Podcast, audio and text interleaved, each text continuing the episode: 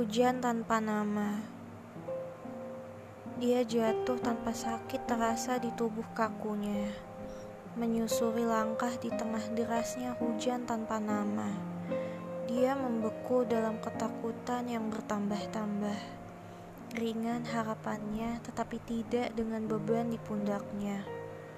Terus berkubang pada lembah yang tertembus dosa. Kadang dia terpana, Kadang dia memalingkan wajahnya, melampaui hasrat terpayahnya untuk bangkit.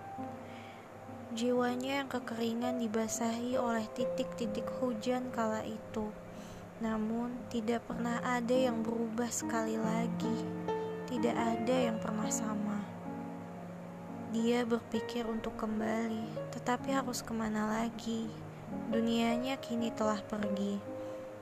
Dia menganggap dirinya sama seperti dulu, tetapi tanpa menyadarinya, dia telah berubah, benar-benar lain, sama sekali lain, lain tiada tara. Kini dia mencari jiwa yang hilang di dalam dirinya sendiri. Besar kemungkinannya dia tersesat dalam gelap, tetapi sudah pasti dia tidak akan pernah menyerah. Dalam penglihatannya yang lirih, dia memandangi titik demi titik air hujan tanpa nama yang menyapanya dengan diam, berkata-kata tanpa ampun. Dalam pendengaran yang yang rapuh, dia menyanyikan lagu tentang rasa yang tak terdefinisi dari ruhnya. Dengan hening tercipta kerumitan pikiran yang mencerahkan.